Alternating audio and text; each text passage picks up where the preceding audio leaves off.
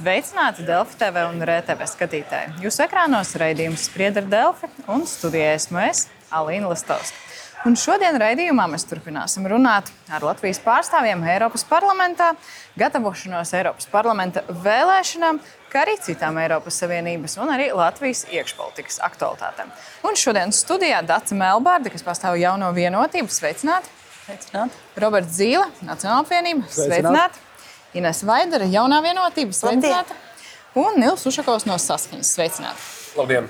Un sāksim, es domāju, ar gatavošanos Eiropas parlamenta vēlēšanām. Zīles kungs, jūs jau esat tālu pavirzījušies. Kongresā bija jau runa par visu sarakstu, 18 kandidātiem. Nē, nebija runa, bija lēmums, jo pirms Bija kongresa lēmums, jā. atbilstoši statūtiem valde nolēma jau nu, pirms nedēļas, teiksim tā. Un kongresā mēs vienkārši to informējām, jo tā bija laba platforma. Visu parādījām, visus 18 Nu, kandidātus. faktiski jūs esat saraksts. cīņai jau gatavi. Mēs esam gatavi jau labu senu, un tagad mēs vienkārši tā arī publiskojām.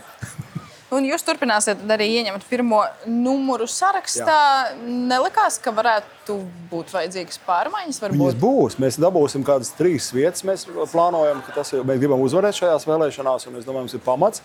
Un, ja jūs paskatāties, kas mums ir otrais numurs, ir Nīderlandes mūrnietis un trešais Rihards Kols, tā ir paudžu nomaiņa, kas ļaus, eh, teiksim, ar, nu, neslēpšu ar savu pieredzi ilgajā laikā.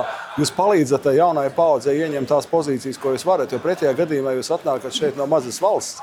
Un jums neviens partijas biedrs nav klāts, kas šeit ir kaut ko saprot, kas notiek. Jūs piecus gadus vienkārši Tad tā pazaudējat. pauģu maiņa noteikti ar otro, trešo vietu. Ne no līderiem nesākam. Nē, ko nozīmē? Visi viņi ir līderi. Mēs visi trīs esam līderi. un Mēs sākam ar to, ka tā paudžu maiņa Nacionālajā apvienībā šeit, Eiropas parlamentā, kā es redzu, tajā optimistiskajā scenārijā, ka es vienkārši palīdzu šiem cilvēkiem nākošo piecu gadu laikā ieņemt atbilstošas pozīcijas, jo viņi ir ļoti spējīgi. Un tā tas notiek. Nu, ne jau tā, ka vienkārši tie visus izmetam ārā, teiksim, šeit klātesošies, kā daži jaunie spēki, tā sakot, vai jaunie vecie spēki mēģina popularizēt. Tad jūs te atnākat deviņi Latvijas deputāti kuri sēž pēdējās rindās, un no viņiem nekas nav atkarīgs. Es gribētu jums arī jautāt par bijušo ministru Kasparu Gerhardu, kurš ir pārstāvējis Nacionālo apvienību dažādās ministrijās. Bija jautājumi par viņa darbību, arī dažādas atsauksmes vērtības. Nu, kāpēc viņš, jūsuprāt, kvalificējas? Viņš vēlējās iziet vēlēšanu sietu, un mēs viņu ielikām nu, nevadošajās pozīcijās. un Skaidrs, ka viņš saņem savu vēlētāju nu, noskaņu, vai nu viņu atbalstīs vai neatbalstīs. Bet tas, ka Kasparam Gerhardam būdām tik daudz uh, ministrijās, ar lielu pieredzi, š- ja viņš tiek ievēlēts piemēram šeit, tad skaidrs, ka viņam nav zināšanu trūkums. Teiksim, tā bija viņa jomām. vēlme. Jā. Uh, Uzkaukums, kā jums virzās ar sarakstu veidošanu? Saraksts mums no vienas puses liela- pietiekoši lielā mērā jau ir gatavs. Nu, īpaši ņemot vērā, ka saraksts nav liels. Uh, Formāli mums ir plānota valdes sēde 9. janvārī, kur mēs arī attiecīgi apstiprināsim gan sarakstu, gan uh, programmu. Un, uh, 25. janvārī sākās uh, procedūra, sarakstu iesniegšana. Un uh, par līdera pozīcijām, kurš būs pirmais numurs jūsu sarakstā, kāds cits? Partija, partijas valde lems par to 9. janvāri, bet visdrīzāk virzīs mani. Uh, Kā jums uh, vienotībā notiek? Jūs kandidēsiet Vaidaras kundze? Pagaidām ir tāds nodoms, jā. Ir tāds nodoms. Melbārds kundze vai plānojat kandidēt? Es domāju, ka tas ir normāli, ka cilvēki apsver dažādus dzīves ceļus, un kandidēšana ir viens no tiem.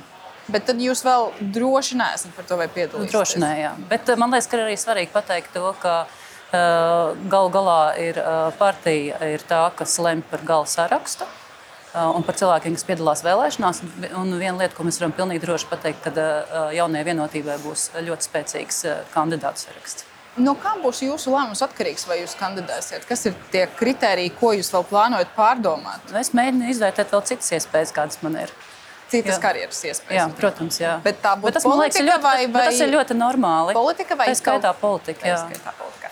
Nu, ja mēs runājam par jaunās vienotības sarakstu, laikam tā liela intriga ir joprojām par pirmo numuru Vaidaras kundzi. Vai jums ir nu, tāda nu, savs viedoklis, varbūt, kam jābūt uh, Dombrovska kungam, Kariņa kungam? Ziniet, es domāju, ka viņi abi ir ļoti spēcīgi kandidāti. Dombrovskim ir milzīga autoritāte Eiropas komisijā. Viņš ir faktiski gandrīz vai pirmais numurs šajā Eiropas komisijā. Kariņa kungam arī ir gan Eiropas parlamenta pieredze, gan arī premjeras pieredze. Es domāju, ka mūsu saraksts varētu būt pats spēcīgākais noteikti, jo mums ir daudz cilvēku, kur var pretendēt. Jūs sakat, ka Zīles kungam ne, nebūs uzvarētājiem. Mēs, es domāju, ka mēs pacīnīsimies noteikti viens ar otru, jo mums ir kopīgs, mums ir kopīgs mērķis aizstāvēt Latvijas intereses. Eiropas Savienībā, ko es personīgi esmu darījis jau daudzus gadus, un pie tā mēs arī strādāsim. Ja Kariņš kungs būs pirmais numurs, tad Nacionāla apvienība būs četri mandāti, nevis trīs. Tas ir jūsu viedoklis. Tā ir mana prognoze. Bet tas rezultāts, uz ko jūs tēmējat, saskaņā jūs neesat pārstāvēti parlamentā vai ir pārstāvība Eiropas parlamentā, līdz ar to jums kļūst nozīmīgāk? Jā, noteikti nozīmīgi. Ļoti nu, pareizi. Un... Mums būs saraksts attiecīgi no vienas puses no veciem kadriem, Pie tiem es jau arī piedaru. Mums būs otra daļa, tie ir pašvaldības deputāti, un trešā grupa ir jaunie partijas biedri. Un, attiecīgi, mūsu ambīcijas tas ir no viena līdz diviem mandātiem. Viena, divi mandāti.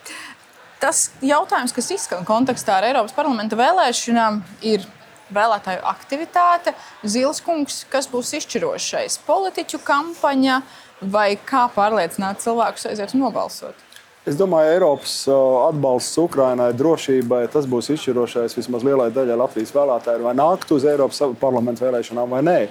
Jo tas, kā tiek tērēta Eiropas parlamenta samērā liela budžeta līdzekļi, īpaši jaunās paudzes uzrunāt. Mēs redzam plakātus uz Latvijas ceļiem, kuri faktiski nepasaka neko manā uztverē. Tas gan mm. Eiropas komisijas kampaņas, tas pasaka, jū, jū, es jūsu Eiropas Savienība.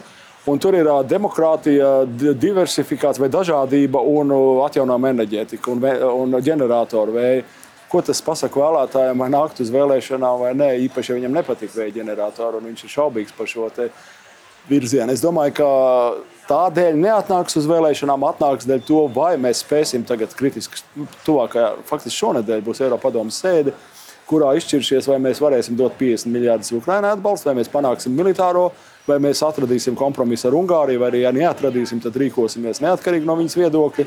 Un tas ir tas, kas izšķirs ticību Eiropas Savienības kā tādai institūcijai, kas var nodrošināt drošību. Mhm. Tie plakāti īpaši labs piemērs, ja tu esi metro stācijā pie Šumana laukuma un tie paši UU. Un tur ir tikai cilvēki, kas strādā Eiropas institūcijās. No priekš, kam tur piedodiet man lūdzu reklamēt Eiropas vērtības cilvēkiem, kas tas vērtības uh, pēc darba apraksta veido. Um, tas ir viens, un otrais, protams, ir liels jautājums par to, cik lielā mērā cilvēki ticēs Eiropas Savienības spējām risināt smagas problēmas un pārvarēt krīzes.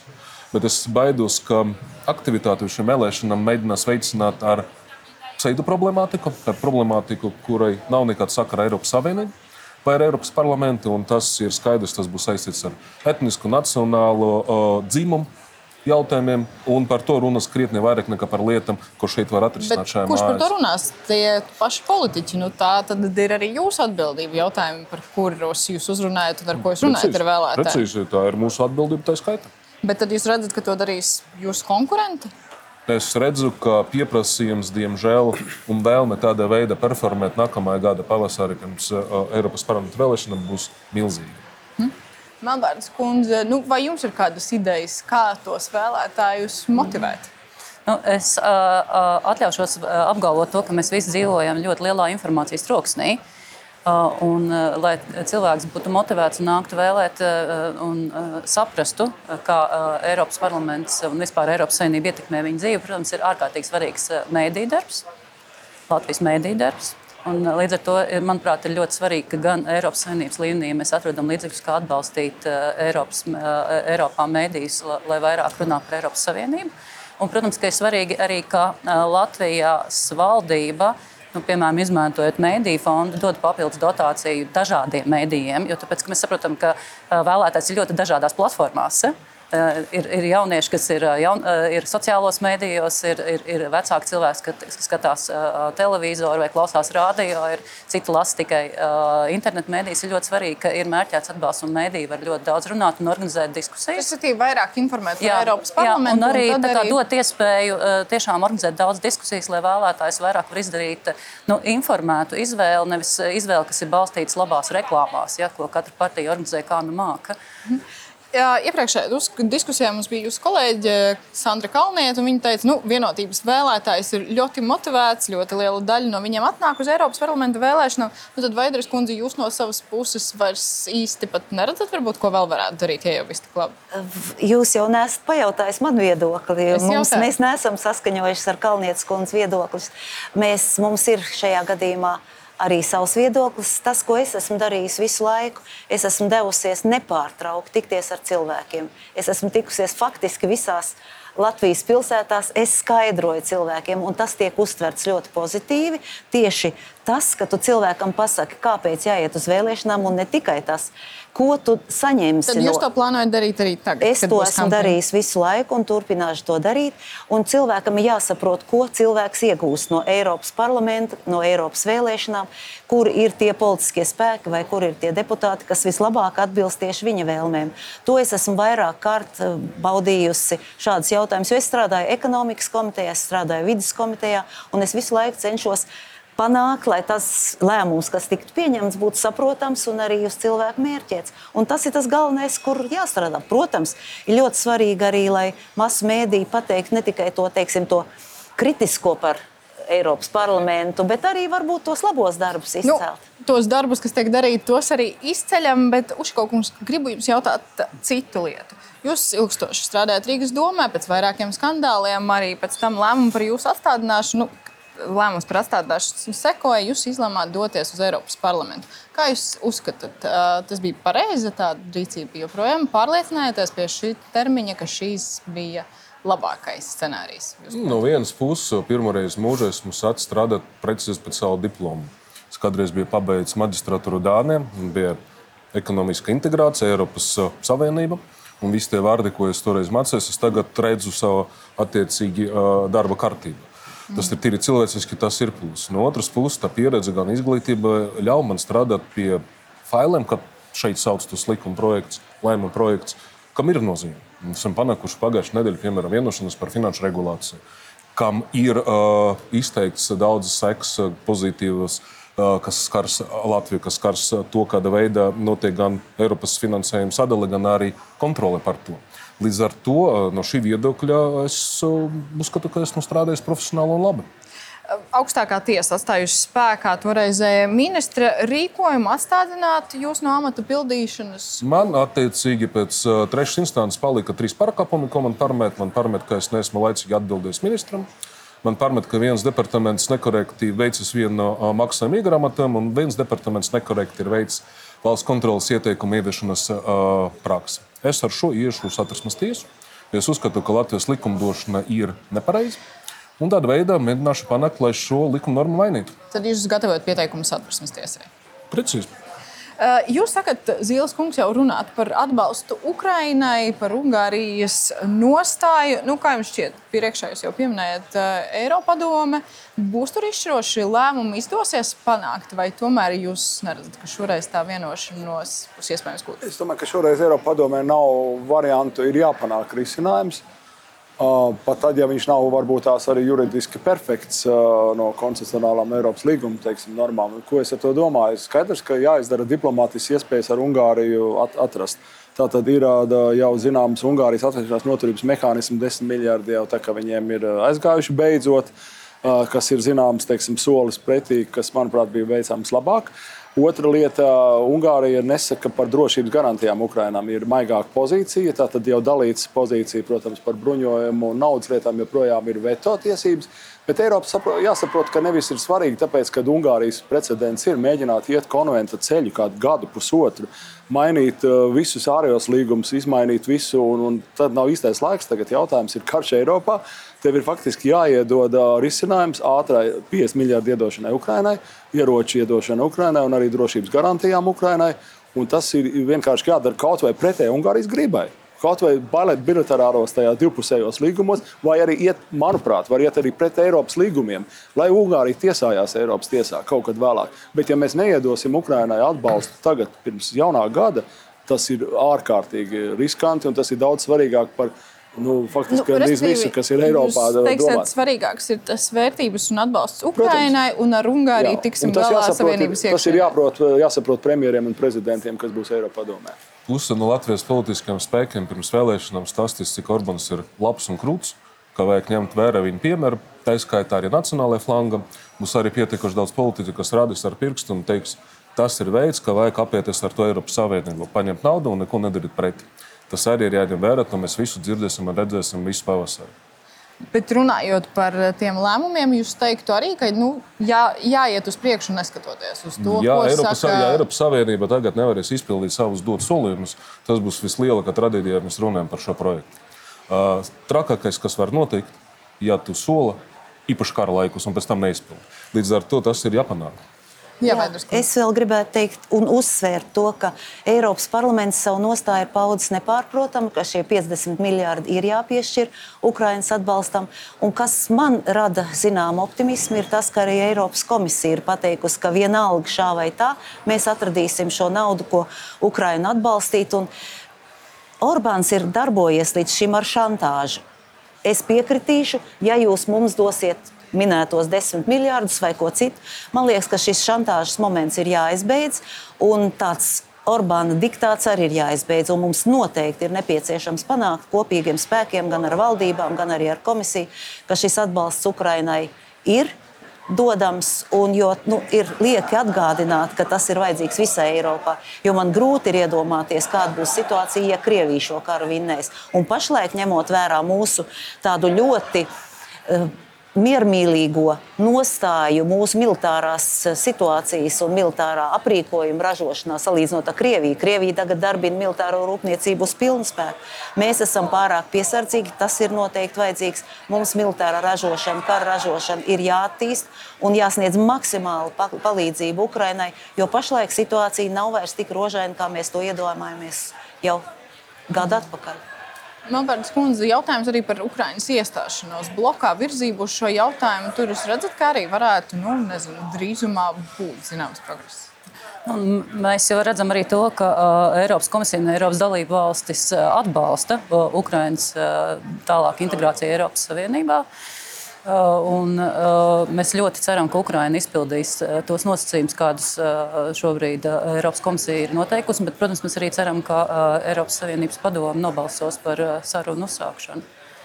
Jo tas arī bet, ir jautājums. bet, jā, bet ir jāsaprot, protams, tas, ka šobrīd ļoti daudz bumbas ir arī pašas Ukraiņas groziņā. Jo, jo, jo neskatoties to, ka ir karš, Ukraiņai tomēr ir jāizpilda šie kriteriji, lai iestātos.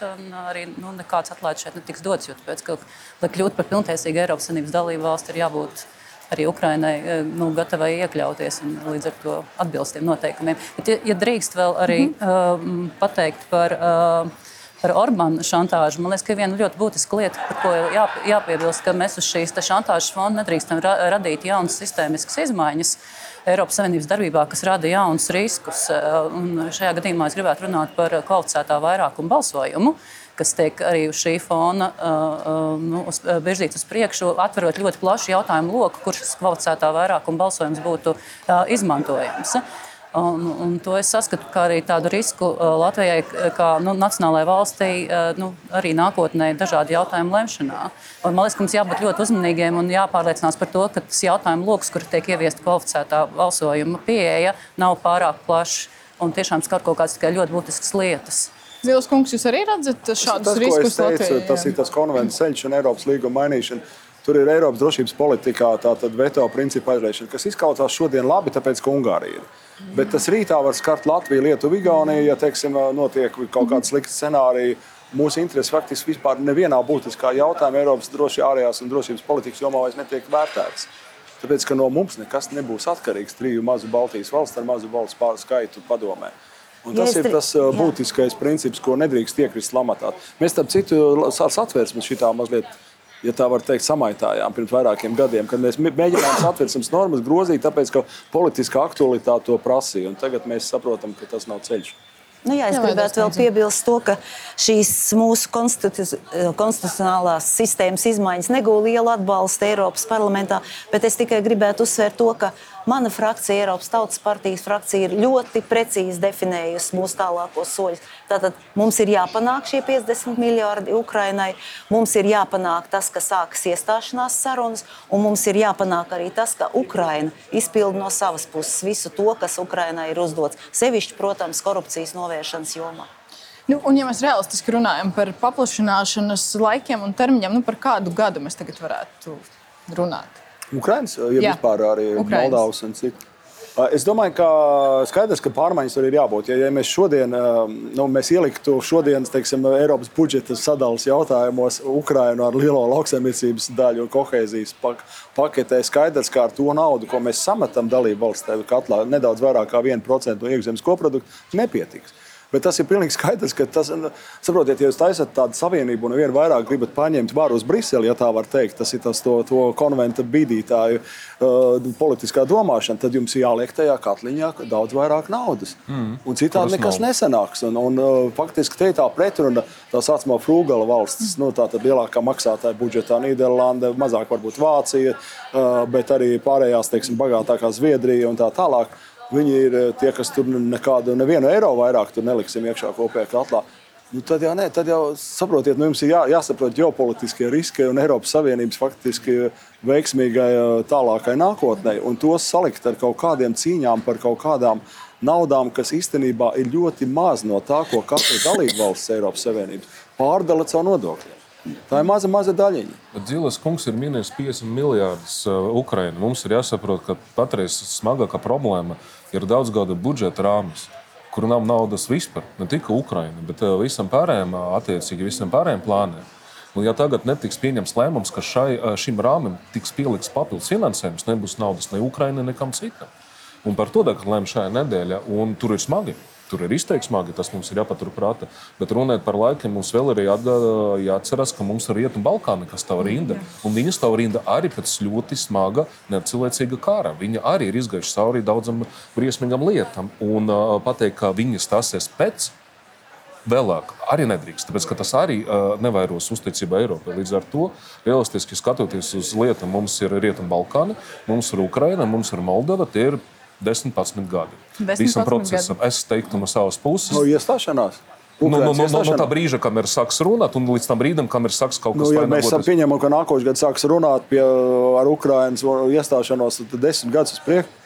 Nē, es domāju, ka es, teiksim, es, Jūs tas tā sakat- nedrīkst būt. Tas ir, tas ir krietni par vēlu. Tas tāpat kā mums, teiksim, Francija Nu, vēlās "Ā, ieroču ražošanu tikai Eiropas iepirkumos. Ja mēs ta- un 35. gadā spēs kaut kādas lidmašīnas vai atbilstošas tankus saražot Eiropā, tad jau sen būs par vēlu. Tad, ja mēs nepirksim amerikāņu Nu, Tas ir jautājums, kā, tad, nu, kā tas sarunas virzīsies un kāds vairs. notiks. Tad jūs sakat, Ātrāk, daudz ātrāk. Nu, bet mums jau ir tiešām arī jāpanāk tas, ka mēs uzstādām sev ambiciozus mērķus. Ja mēs pasakām, kā mūsu tautas partija frakcija ir pateikusi, līdz 30. gadam ir jāuzsāk, tad mums uz to ir arī jāvirzās. Un ar visiem līdzekļu atrašanas ceļiem, ar visiem politiskiem mērķiem, ar to, kā palīdzēt Ukrainai tikt galā ar sevis uzstādītiem mērķiem un to, ko mēs prasām. Šiem mērķiem ir jābūt pietiekami ambicioziem. Jo mēs arī redzam, ka, piemēram, zaļā kursa ietvaros mēs esam uzstādījuši ambiciozus mērķus, bet mēs salāgojam regulāri to ar cilvēku iespējām. Bet tam mērķim ir jābūt uz ko virzīties. Par to nedrīkst būt nekāda šauba. Daudz gadu budžeta rāmis ir septiņi gadi. Okay, Mums pat- Uzkaukungs, Būs mēs nauda. Būs Melnbārdas kundzei būs. bija replika par arī Ukrainas iestāšanos. Nē, es, es patiesībā gribēju pilnībā piekrist Uško kungam, ka mēs nedrīkstam runāt par Eiropas paplašināšanos. Visu akcentu liekot tikai uz Ukrainas, ir ļoti būtiski arī prioritizēt Balkānu valsts, jo šobrīd reāli notiek ģeopolitiska cīņa par Eiropas, priedekmi Eiropas reģionā. Un mēs labi skaidri zinām, kas ir cīņas vienā pusē, kas ir otrā pusē. Un Balkānu valsts patiesībā mums ir ļoti strateģiski svarīgs reģions. Un, ja Bosnija-Hercegovina šobrīd ir salīdzinoši ļoti gatava, tad mums nav jāgaida, ka viss pielīdzināsies Bosnijai-Hercegovinai. Mums ir jādod iespēja katrai valstī, kas ir gatava, kas ir izgājuši šo procesu, ir jādod iespēja iestāties. Uh, un, uh, un Eiropas Savienībai no savas puses ir jābūt ļoti uh, daudz precīzākai un konsekventākai savā komunikācijā. Uh, jāpasaka, mēs esam gatavi, mēs esam atvērti un gatavi, un šeit ir ceļkarti. Un nevis tur jākoķetē un jābīt kauliņi turp un atpakaļ visu laiku. Un par termiņiem, kāds jūsuprāt, tas Tik līdz, laiks cik līdz kāda valsts ir gatava, tā ir jādod iespēja šai valstī kļūt par Eiropas Savienības dalību valsti, nevis, nevis bloķēt pa kaut kādām grupām. Tas man ir pārliecība. bet um, vēlreiz, ja mēs runājam par daudzgadu budžeta rāmu, pusi no šī un vēl nākamais septiņi. Tie ir desmit gadi, manuprāt, kad nebūs vienkārši finansiālas iespējas Eiropas Savienība uzņemt pilnvērtīgi jaunus biedrus un jaunas uh, dalībvalstis. Ja kāds būtu gatavs un ja Eiropas Savienība būtu ātrāk pieejams finansējums, tas būtu ideāli. Bet mums arī tas ir jāpaturprātā, ka desmit gadi tas, manuprāt, ir pietiekoši realistiski. Ja, kas liedz ar 28. gadu sākās jauns septiņu gadu mm. budžets, tas, ko mēs runājam, kas liedz Eiropas valstu līderiem saņemties, domājot par šo laiku, kad jābūt gatavai iekļautai Ukrainai, Moldovai, iespējams kādai no Rietumu Balkānu valstīm, bet viņas nemaz nav kandidātu valsts, dažas ir, dažas nav. Tā kā skaidrs, ka tā ietekme jācīnās, bet kādu mēs Serbiju iedomājamies ar šodienas mm. iekšpolitiku un ārpolitiku iedomājamies Eiropas Savienības sastāvā. Es, es teiksim, neredzu. Skaidrs, ka Rietumu Balkānu ietekme ir svarīga, ģeopolitiski arī, bet pats svarīgākais mums vismaz Latvijā, es domāju, ir Ukraina. Ekonomika un, un, un sociālās un pārējie izaicinājumi var radīt riskus dalībvalstīm, un tās līderiem pateikt, ka mēs neesam gatavi tagad šo naudu tērēt, mēs būsim gatavi pēc dažiem gadiem. Tā ir, nu, tā ir realitāte. Bet arī... vēl viens jautājums kontekstā ar Ukrajinu ir sankcijas. Jūs, Vaidras kundze, esat publiski teiks, teikusi, ka sankcijām pret Krieviju jābūt paralizējušām, bet nu, ļoti bieži izskan jautājums arī par sankciju ievērošanu un kā mēs spējam uzraudzīt, cik daudzi ievēro sankcijas. Jūsuprāt, tur ir vēl pie kā piestrādāt? Tur ļoti daudz ir ko piestrādāt. Vispirms jau mēs neesam spējuši pilnībā novērst sankciju apiešanas mehānismus, jo mēs zinām, kā palielinās kaut vai graudu eksports no Krievijas, arī caur Latvijas teritoriju, arī no Kazahstānas un tam līdzīgas lietas. Mēs zinām arī, ka tiek piegādāts joprojām Krievijai dažādos veidos arī duāla lietojuma preces, ko var izmantot arī Labi, bet ko varam darīt? Eh, jāpastiprina visi šie mehānismi un kontroli. Un tām valstīm, tas ir mans ieteikums, tām valstīm, kuras piedalās šo sankciju apiešanā, tām ir būtiski jāsamazina mūsu palīdzība. Tas būtu arī resurss papildus budžetā, jo mēs esam ļoti dāsni. Mēs palīdzam gandrīz visām valstīm šajā kontinentā un vēl mazliet tālāk. Tajām valstīm tā tad ir jāsamazina šis mūsu finansējums absolūti noteikti. Un daudz drosmīgākiem mums ir jābūt. Es esmu arī izstrādājusi pilotu projektu par to, kā konfiscēt Krievijas iesaldētos līdzekļus. Pašlaik komisija nāks klajā ar šo priekšlikumu. Tur mums ir ļoti aktīvi jāstrādā, lai tiešām oligarhu līdzekļi tiktu izmantot Ukraiņas eh, vajadzībām. Un mums ir vēl daudzas iespējas. Noteikti personāla sankcijas. Es zinu, cik Krievijai ir. Jūs minējāt daudz iespējas. Jā. Jums Kā jums šķiet, nu, virzīsimies uz priekšu un tās iespējas arī? Bet, protams, virzīsimies. Jo mums, piemēram, es nezinu, vai uh, klausītāji un skatītāji zina, ka mums ir iz, iz, izveidojusies grupa, uh, Ukraiņas atbalstam Eiropas parlamentā, kur es arī aktīvi darbojos. Mēs ļoti mūži sekojam līdzi problēmām un nepārtraukti bikstam arī Eiropas komisiju darboties, jo mums jau deputātiem nav mehānismu. Kā mēs samazināsim finansējumu Ķīnai vai Irānai vai Ziemeļkorejai? Mums ir pietiekami daudz citas valsts, kas palīdz apiet šos uh, ierobežojumus, kur, apjom, kurām var notikt. Apjoms galvenais ir Ziemeļkoreja. Ušakova kungs, Ušakova kungs, arī Ķīnai būs sāpīgi, ja mēs pielietosim dažādas sankcijas, piemēram, pret eksportu no, no Ķīnas. Eiropa, Eiropa nepavilks karu divas frontes ar Krieviju. Mēs, ar jā, ir, realisti. ir momenti, kas mums ir jāievēro. Es nu pat biju arī sarunās, piemēram, ar Singapūru. Nu, es, es, arī kolēģiem par, jautājumu par, par sankciju. Iespējām ietekmēt kaut ko uz Ķīnu. Pavisam nesen bija Fonda mm. Lajenes un Šāla Mišēla, divu augstāku amatpersonu Eiropas institūciju vizīti Ķīnā. Gan īsti nekas nav dzirdams. Izņemot to, ka Mišēls atbrauca ātrāk, jo viņam nebija droši telefona sakara ar Briseli no Ķīnas. Tāpēc, ka nav, Tāpēc, ka nav nekāda iespēja kaut ko ietekmēt. Un mēs redzam arī to, kas notiek. Eiropas Savienībā ir ļoti spēcīgas vācu industrijas, piemēram, projām, kurai ļoti slikti iet, daudzas nozares iet lejā. Ķīnas tirgi tomēr ir ārkārtīgi svarīgi, un viņi iet un otrkārt. Bet, ja mēs paskatāmies, teiksim, retie metāli, kas ir vajadzīgs visā atjaunojamā enerģētikā, automašīnu rūpniecībā, Un tad Ķīnai ir milzīgi resursi, kurā viņi ir globālie līderi šajos metālos, tīri no dabas raktuvēm savām. Un vēl viņi ir līderi šajos svarīgajos strateģiskajos metālos nākošajās desmitgadēs Āfrikā un Latvijā, kur viņi ir ieguvuši šīs raktuvu iespējas un arī ražošanu.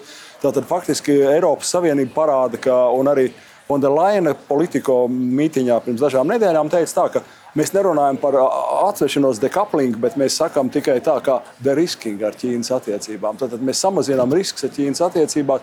Tas ir viss, ko šodien Eiropā arī cik ļoti mēs tos riskus spējam samazināt. Gluži tāpat kā attiecībā uz Izraēlu nav nekādas ietekmes Eiropas Savienības nepiekrist. Jo Urzulai Fonderlainai, protams, vizītes rezultāti varbūt nebija pārāk veiksmīgi, jo ķīniešiem ļoti nepatīk, ka viņus māca. Jo tā ir liela varena valsts.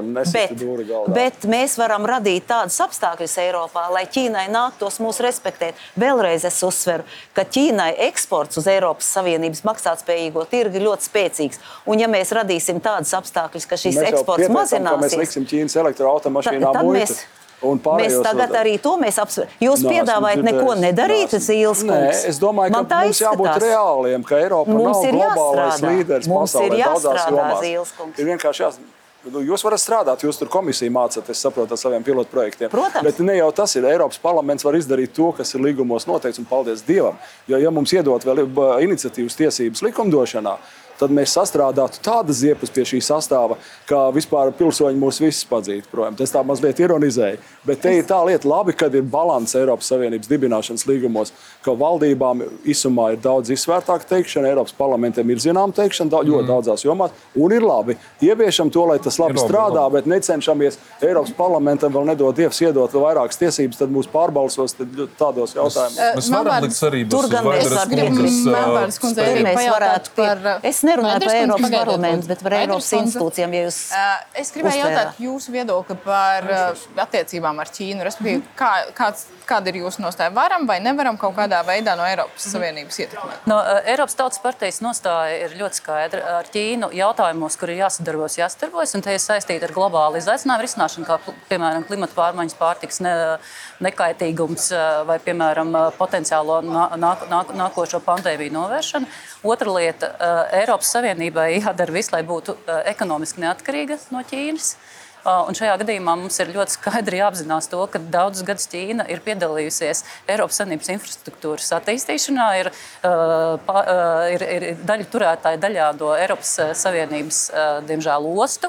Un vēl ir ļoti daudz tehnoloģijas, ko Ķīna reāli ir uzstādījusi. Un tie ir reāli riski šobrīd Eiropas Savienībā, jo ir augstas spiegošanas riski, un Eiropas Savienībā ir reāli jāizvērtē jau, jau eso, uh, es, es, esošā infrastruktūra, kur, mēs, kur, kur šādi spiegošanas riski var parādīties.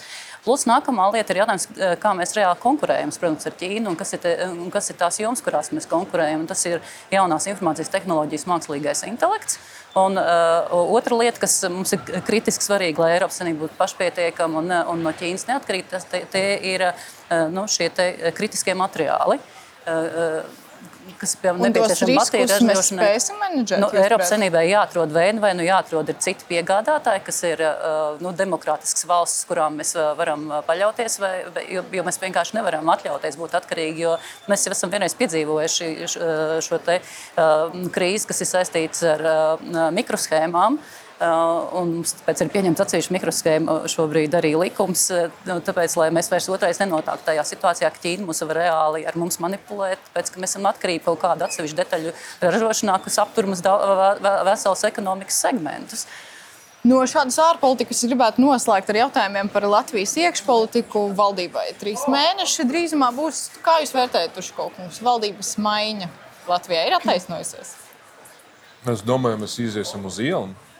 Rīga, Latvija, jebkura cita pilsēta, nu, tas būs absolūts mazākums, kas pateiks, ka ir attaisnojies. A, kas ir mainījies? Nu, tā, nu, skatoties no jebkura uh, viedokļa. Nu, labi, lido mazāk ar šiem privātiem reisiem. Tas ir pozitīvi. Un tas pēc būtības ir viss. Nu, kā viņš nebūs visdrīzāk vienotības pirmais numurs uz IP vēlēšanu, tāpēc ka bailīgi. Un, Nu, kas ir mainījies? Jums ir laikam Zīles kungs var atbildēt, nu, kur ka- apvienība vairs nav valdībā pēc ilga Nē, nu, es, pārtraukuma. protams, vērtēju kritiski gan arī budžeta demogrāfijas jautājumus, teiksim, pavisam nesen budžeta debatēs un arī apstiprināšanā. Bet arī vakar šeit bija vakarā vēl Valdis Dombrovskis un, un komisārs Gentiljone par atvesināšanās noturības mehānismu lietām. Un tur faktiski tur, tur apskats, kā ieteiksim, Itālija jau pieteikusi atvesināšanās noturības mehānismā pēc avans maksājuma piekto maksājumu. Viņiem ir milzīgas summas, vairāk kā 200 miljardi. Latvija nav saņēmusi vēl pirmo maksājumu, viņi ir avans mm. maksājumi. Viņi neapgūst šo naudu. Un tas, kas ir vakardienas ziņa, ir ļoti klusa ziņa, ka finanšu ministri panāca, jo bija Siliņa pie Dombrovska, ja nemaldos, vakarā va- Briselē, kurā pa- pagāja šo saistīto poverty jūtā, tad ele, tur vēl 145 miljoni. Bet Latvija nav to valsts starpā, kas uh, il- ilgtermiņā iespējas aizņemties ar atvēršanās noturības mehānismu aizņēmumu naudas. To pašlaik, kā vakar, abi divi, gan Dombrovskis, gan Gentiljonis teica, ir milzīgs pieprasījums, jo tā nauda šajos finanšu apstākļos, finanšu tirgos ir gara. Ko jūs, eh, Eiropas komisija, jūsu vārdu aizņemās ar lētākiem procentiem nekā Latvija. Un faktiski tas atvēršanās noturības mehānisms atmaksas pēdējais termiņš Eiropas vārdē 2050. Iepriekšējā valdība labāk rīkojās ar šiem Protams, jautājumiem. mēs mēģinājām, man izdevās vismaz 200 miljonus piespiest eiro paņemt savā laikā grantus no atvēršanās noturības mehānisma, jo nevēlējās ņemt. 200 miljonu no Eiropas budžeta nevis aizņēmumu, bet dāvanu. Kā jau teica Dombrovska kungs, iespējams, nav nemaz tik slikti. Iespējams, visus tos 450 miljonus eiro nebūs tā kā pakāsīsim, bet nu, daļu no tā tomēr nevarēsim izmantot. 450 miljoni tas ir milzīgs finansējums, ko vienkārši uh, nebija spējīgi paņemt. Vaidras kundze, Melbārdas kundze, vaicāšu arī jums par valdību. Kā jums šķiet, veiksmīgi strādā? Valdība ir knapi uzsākusi darbu. Es neteikšu, ka man bija ļoti liela sajūsma par valdību šādā sastāvā, kāda tā pašlaik ir. Jo man kreisās idejas, tādas kā pārstāv, piemēram, progresīvi, nekad nav bijušas pārāk tuvas. Es domāju, ka valdībai ir jāstrādā kā komandai. Līdzšinējā valdība, kas bija mm, valdība ar Nacionālo apvienību un ar apvienoto sarakstu, tur es tā ļoti redzēju, ka katrs vilka sedziņu uz savu pusi. Tagad tas labais, ko es redzu, ir tas, ka valdība strādā kā komanda. Un mums ir pietiekami daudz problēmu risinām ne tikai katram savā ministrijā, bet teiksim, tādas problēmas, kas ir kopīgas. Man, piemēram, pie budžeta pieņemšanas bija ļoti žēl, ka iekšlietu struktūra saņēma mazāk naudas nekā tas būtu vajadzīgs. Mums ir jāstiprina savus kolēģus. Mudinājām gan, mudinājām gan, bet nu, mēs, šī ir tā komandas. Nē, tā ir komandas lieta, ka nevar katrs savu sēdziņu vilkt uz savu pusi, jo iekšlietas ir mūsu pāraudzībā. Mēs ļoti labprāt gribētu vairāk, bet mēs redzam, cik daudz naudas vajag arī citām nozarēm. Tas ir tas labais. Ko mēs redzēsim pēc dažiem mēnešiem, nu, to mēs skatīsimies. Melbārdas kundze? Nē, nu es gribu pateikt, ka valdības maiņa viennozīmīgi ir attaisnojusies, jo šī valdība strādā konstruktīvāk. Līdz ar to arī lēmumu pieņemšana notiek ātrāk un ir efektīvāk, jo iepriekšējā valdībā, diemžēl, tā bija lielākā problēma. Ja mēs runājam par budžeta pieņemšanu, tad, manuprāt, šis ir laikam viens no tiem retajiem budžetiem, kas tiešām ir solītajās prioritātēs balstīts budžets. Es ļoti priecājos redzēt, tiešām, ka pēc ilgiem laikiem mēs ne tikai runājam par izglītību kā par prioritāti, bet mēs redzam to arī reāli budžetā.